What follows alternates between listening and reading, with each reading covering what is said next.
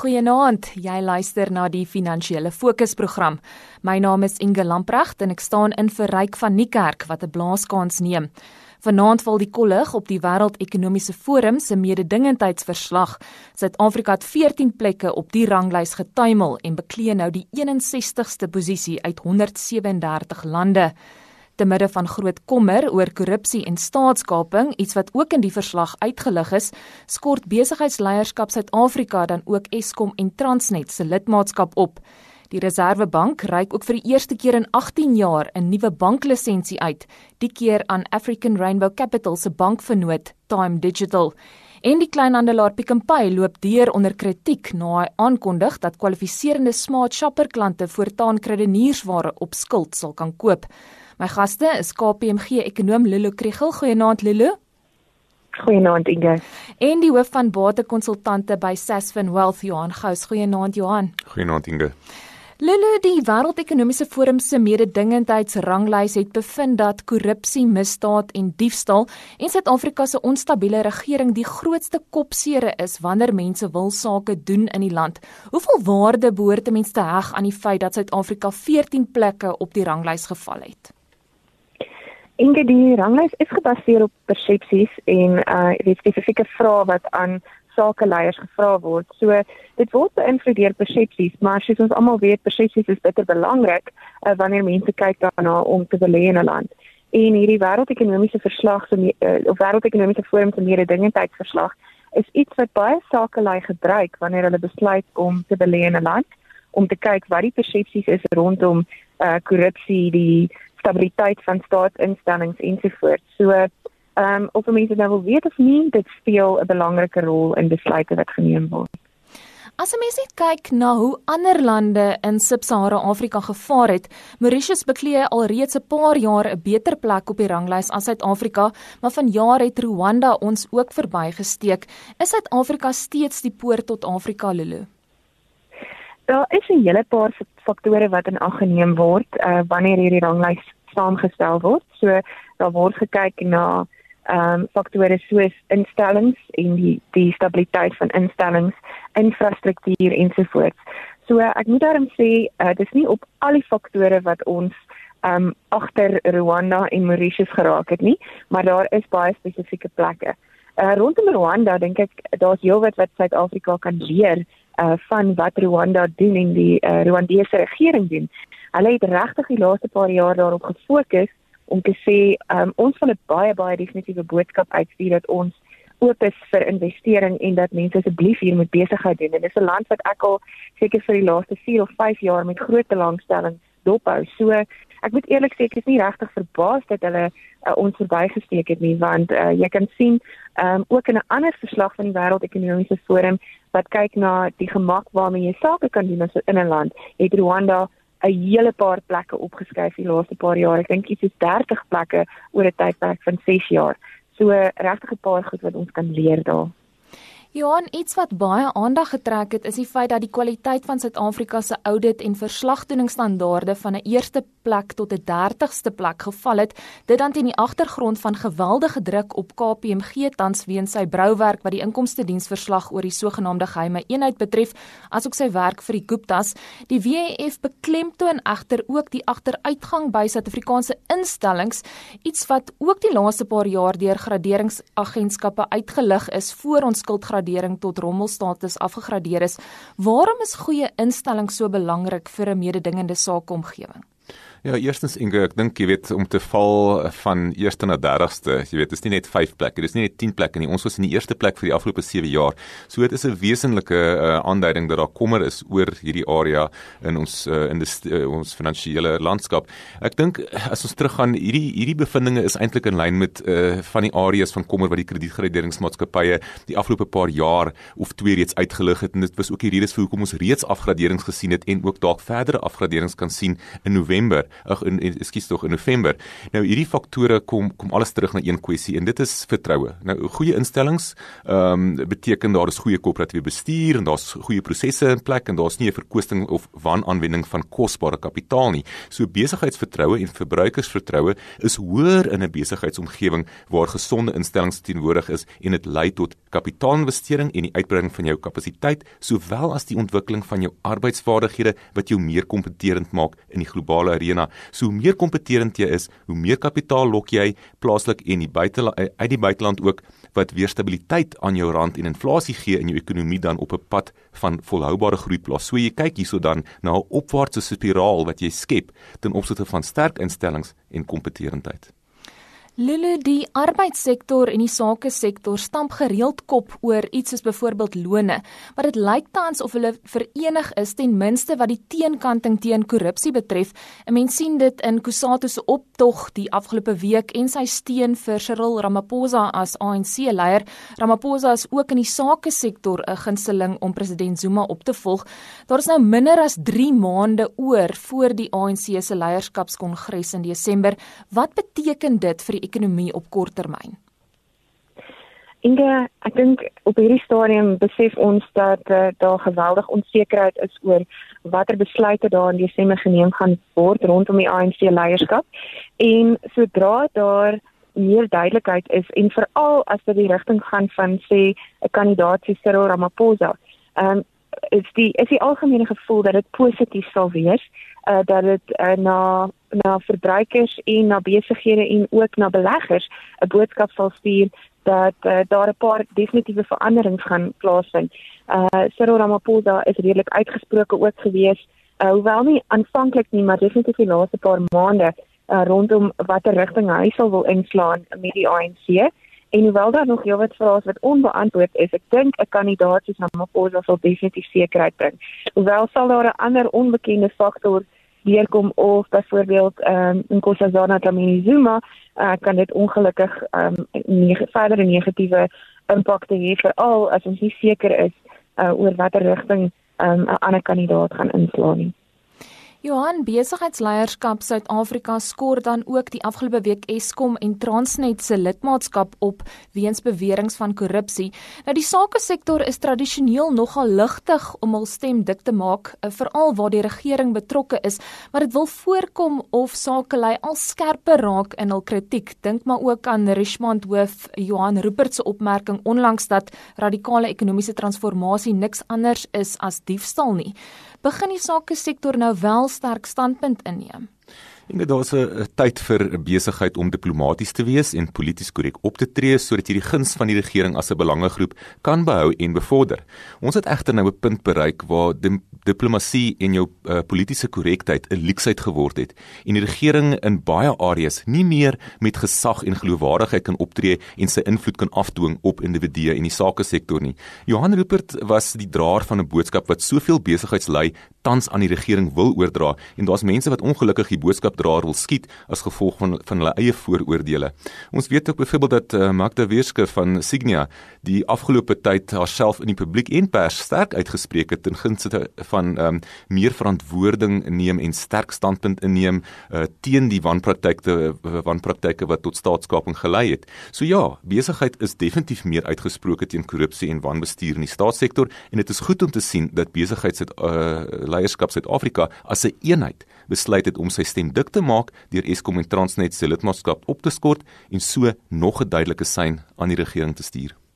Lilo, as ek net vir 'n oomblik weer terugkom na die WEF se verslag toe.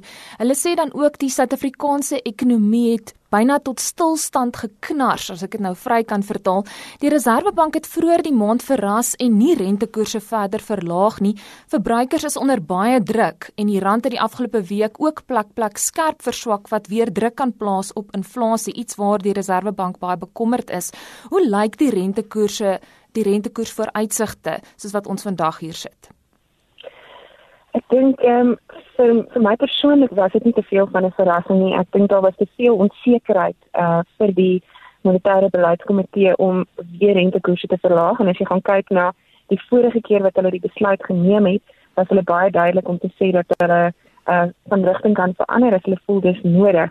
En uh sedert hulle vorige besluit om rentekoerse te verlaag en nou het daar 'n paar dinge gebeur soos wat jy gesê het, uh die onstabiliteit uh, van die rand wat nog steeds 'n faktor is. Ons sien brandstofpryse um neem ou aan om te neem. So ek dink die Reservebank het gevoel dat hulle miskien nou eers net so bietjie wil wag en dit uh as ek sê vir my persoonlik was dit nie te veel van 'n verrassing nie. Miskien tot vroeg volgende jaar om te kyk wat dan met rentekoerse gebeur. Um en en um daarmee saam het die Reservebank ook 'n geruime tyd al aangedui dat hulle graag wil sien dat inflasie nader aan die 4.5% die middelband van die teikenband beweeg en ons is ons is nog nie daar nie. So dit alles het moontlik hulle besluite beïnvloed. Um hoewel ek nog steeds dink ons is in 'n afwaartse afwaartse rentekoers siklus ehm um, gaan dit miskien stadiger gebeur. Ek dink dit het baie van ons gehoop het as gevolg van die onsekerheid wat ons nou sien. Lille, een van ons groot uitdagings is natuurlik werkloosheid en statistieke Suid-Afrika se kwartaallikse indiensnemingssyfers skets nie 'n rooskleurige prentjie van die area nie. Hoe lyk die werkloosheidsprentjie op die oomblik? Ingedoos 9.6 miljoen mense in Suid-Afrika wat sê as hulle nou 'n werk kan kry, sal hulle sal hulle dit aanvaar so um, 9.6 miljoen werklose mense. Maar die manier wat statistiek Suid-Afrika meet is om te sê, het jy die laaste ehm um, het jy die laaste 4 weke voor ons met jou hierdie onderhoud gevoer het om die inligting te kry, aktief gesoek na werk. En as 'n mens dit in ag neem, dan val die offisiële werkloosheidsyfer na 6.9 miljoen mense toe. So dit is so 7 amper 28% van die totale arbeidsmag. Nou, ehm um, vir my is dit eintlik kommerwekkend om te sien dat daar soveel mense is wat opgee om werk te soek. Uh, Daar's 400 000 mense meer as dieselfde tyd verlede jaar wat gesê het ek het moed opgegee want ek kry nie werk nie. So uh, dit is dis eintlik 'n baie gevaarlike plek om in te wees en ons weet dat ons werkloosheidsyfers uh, die hoogste is wat dit die afgelope 14 jaar is. So die arbeidsmark daar buite baie moeilike plek om in te wees veral as jy nie verdere opleiding uh, ondergaan het nie. Ehm um, die die persentasie werkloosheid val dramaties die oomblik wanneer 'n persoon enige verdere opleiding het en vir alles 'n tersiêre opleiding is, soos byvoorbeeld ehm um, universiteitsopleiding ensovoorts, maak dit regtig 'n geweldige verskil. Maar nietemin dis baie moeilik vir jong mense en die grootste gros van werkloosheid of werklose persone sit in die in die groep 16 tot tot 34 jaar. So dis dis 'n moeilike mark op hierdie stadium vir jong mense om om werk te kry. Johan, selfs vir die mense wat werk het, is daar redelik kommer oor 'n sekere groep Suid-Afrikaners wat eintlik 'n baie groot skuldlas het en Pick n Pay het die afgelope week onder kwai kritiek deurgeloop na aankondiging dat hy krediniersware op krediet gaan verkoop aan sekere uitgesoekte klante. Kritisie meen Pick n Pay vererger net verbruikers se skuldsituasie, maar Pick n Pay sê hy wil 'n alternatief bied vir hoë kostes in die bankomgewing. Wat is jou mening? In Suid-Afrika se huishoudelike skuld tot besteedbare inkomste is tans op 'n nog steeds hoë historiese verhouding van 74. Dit is same met 'n trae ekonomie en aan die stygende werkloosheid waaroor ons nou net gepraat het, laat huishoudings baie blootgestel as dit kom by hulle finansiële sake. En tans is meer as 50% van alle verbruikers van skuld meer as 3 maande agterstallig op een of ander vorm van skuld wat hulle reeds het. En dit in 'n omgewing waar rentekoerse naby historiese lae vlakke is en skulde eintlik relatief goedkoop is om te dien en af te betaal. So ons ons weet ook dat klere rekeninge baie verbruikers van skuld die afgelope paar jaar in groot moeilikheid laat beland het met die gevolge van slegte kredietrekords. So om nou kos op skuld te verkoop gaan maak dat verbruikers nie net in terme van hulle motors en hulle klere bo hulle ehm um, standaarde of die die standaarde wat hulle eintlik kan bekostig kan leef nie, maar ook wanneer dit kom by 'n basiese lewensnoodsaaklikheid soos kos. So vir Pick n Pay om as verweer te sê dat hulle probeer om 'n nuwe alternatief teen hoë bankkoste te bied is vir my bietjie dun en ek dink Pick n Pay moet baie mooi dink oor die moontlike onvoorsiene gevolge om kos op skuld aan 'n verbruiker te koop wat reeds onder finansiële druk is in 'n lae rentekoersomgewing. Johan van hoë bankkoste gepraat, die Reserwebank het die afgelope week die eerste keer in 18 jaar 'n nuwe banklisensie toegestaan, die keer aan Time Digital. Nou die bank wil gewone bankdienste digitaal aanbied deur onderwe onder meer met Pick n Pay saam te werk. Nou om 'n nuwe bank te vestig is nie 'n grap nie, toe Capitec dit destyds gedoen het, het baie min mense die groep 'n kans gegee op sukses. Maar tog het Discovery nou ook planne om 'n bank te vestig en Patrice Motsepe se eienaar Marshy Investments het 'n minderheidsbelang in hierdie nuwe Time Digital. Hoe lyk die vooruitsigte vir 'n digitale bank soos Time Digital na jou mening, Johan? Ja, ek dink daar's definitief nog spasie in die plaaslike bankbedryf vir 'n banke met hoofsaaklike tegnologie-gedrewe infrastruktuur en diensverskaffingsmodelle. Om uh, saam met Pick n Pay te werk maak baie sin want jy het nou toegang tot 700 winkels oor die land en 10000 betaalpunte. So is baie maklik om sekere van jou bankdienste dan so te kan lewer. En hierdie is die groot uitdaging vir die groot vier banke op die oomblik want hulle sit met hierdie groot hoeveelheid infrastruktuur wat baie duur is en wat hulle nie sommer net oornag sal kan uh, terugtrek nie. So ek dink uh, tussen aanlyn bankdienste en die vermoë om vandag self kontant by 'n kleinhandelaar te kan trek, uh, wonder jy hoekom daar werklik soveel fisiese infrastruktuur nog steeds is en miskien is die toekoms net 'n groot oproepsentrum met 'n paar strategies geleë uh, inloop uh, sentrums waar jy dan wel persoonlike diens kan ontvang. Maar ek dink uh, hierdie is my weer eens 'n duidelike sein. Patrice Motsepe is besig om sy invloed in die finansiële sektor baie te vergroot. Uh, Discovery ja, het 'n groot kliëntebasis en hulle bied reeds 'n wye reeks finansiële dienste so 'n banklisensie maak eintlik baie sin. Nou, maar ek dink op die einde van die dag en al wat hierdie beteken is dat daar gaan meer kompetisie wees, daar gaan meer keuse wees vir finansiële verbruikers en hopelik laer bankkoste en ook rentekoerse. So ons hoop die verbruiker wen al die pad. En van banke gepraat, Lilo Reservebank president Lesetja Nkanyago sê die afgelope week politieke sekerheid is nodig vir ekonomiese hervorming in Suid-Afrika, maar daar sal waarskynlik eers meer sekerheid wees na Desember soos wat jy vroeër na verwys het. Volgende maand moet minister Malusi Gigaba 'n mediumtermyn begroting bekend maak wel eintlik hierdie maand, een wat die hoof van fiskale beleid by die tesourier, Ian Stewart, beskryf as die moeilikste in 10 jaar. Wat verwag jy om in die mini-begroting hierdie maand te sien? Dit gaan was soos, soos jy reg sê, dit gaan 'n baie moeilike begroting wees. Uh hoofsaaklik omdat daar soveel druk is op die staat vanuit 'n politieke oogpunt om op sekere vlakke uh dienste te lewer daarmee saam sit ons met staatsinstellings soos die Suid-Afrikaanse Lugdiens en Eskom ehm um, wat onder geweldige uh, druk is en ook wat uh, wat verwag van die staat om weer 'n helpende hand uit te reik.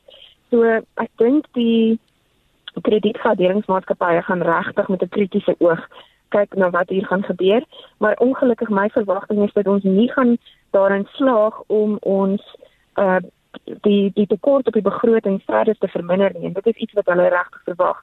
En daar is 'n paar redes daarvoor, soos ek reeds gesê het, die uh SAL en uh of SAA en Eskom uh, faktore waarmee ons het ook die SABC en dan ook ehm um, die feit dat ons nie genoeg belastinginkomste gegenereer het nie en swak ekonomiese groei.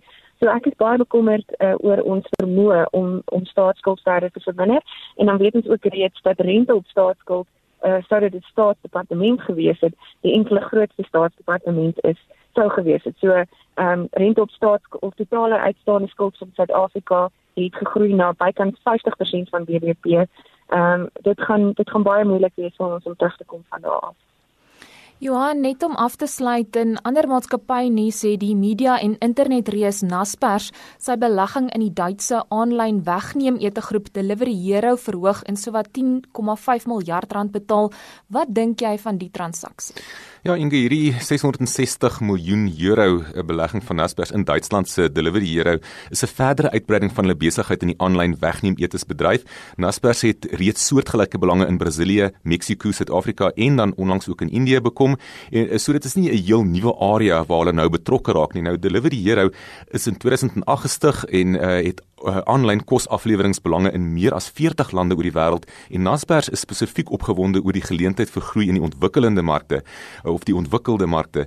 Dit maak uh, dis vir my sin dat Naspers eerder in die grootste aanlyn wegneem bestelmaatskappy belê as om sy eie netwerk te gaan bou en eers weer uh, moontlik duur lesse in elke mark toe te gaan leer. Baie dankie Johan, dit was die hoof van batekonsultante by Sasfin Wealth, Johan Gous. Baie dankie ook aan KPMG ekonom Lulu Kregel.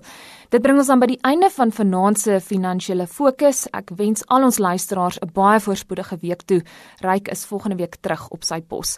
Van my Inge Lamprag, groetnis tot volgende keer.